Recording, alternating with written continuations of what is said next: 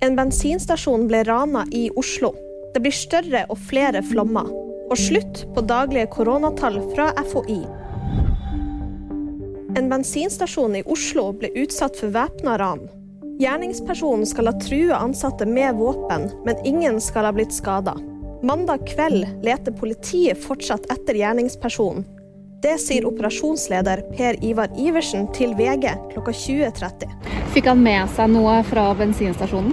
Han har fått med seg penger. Voss har opplevd fem store flommer på åtte år.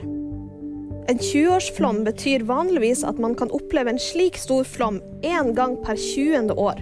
Men dette har Voss kommune fått oppleve fem ganger på bare åtte år. Grunnen til dette er høyere temperaturer, som igjen fører til flere og større flommer.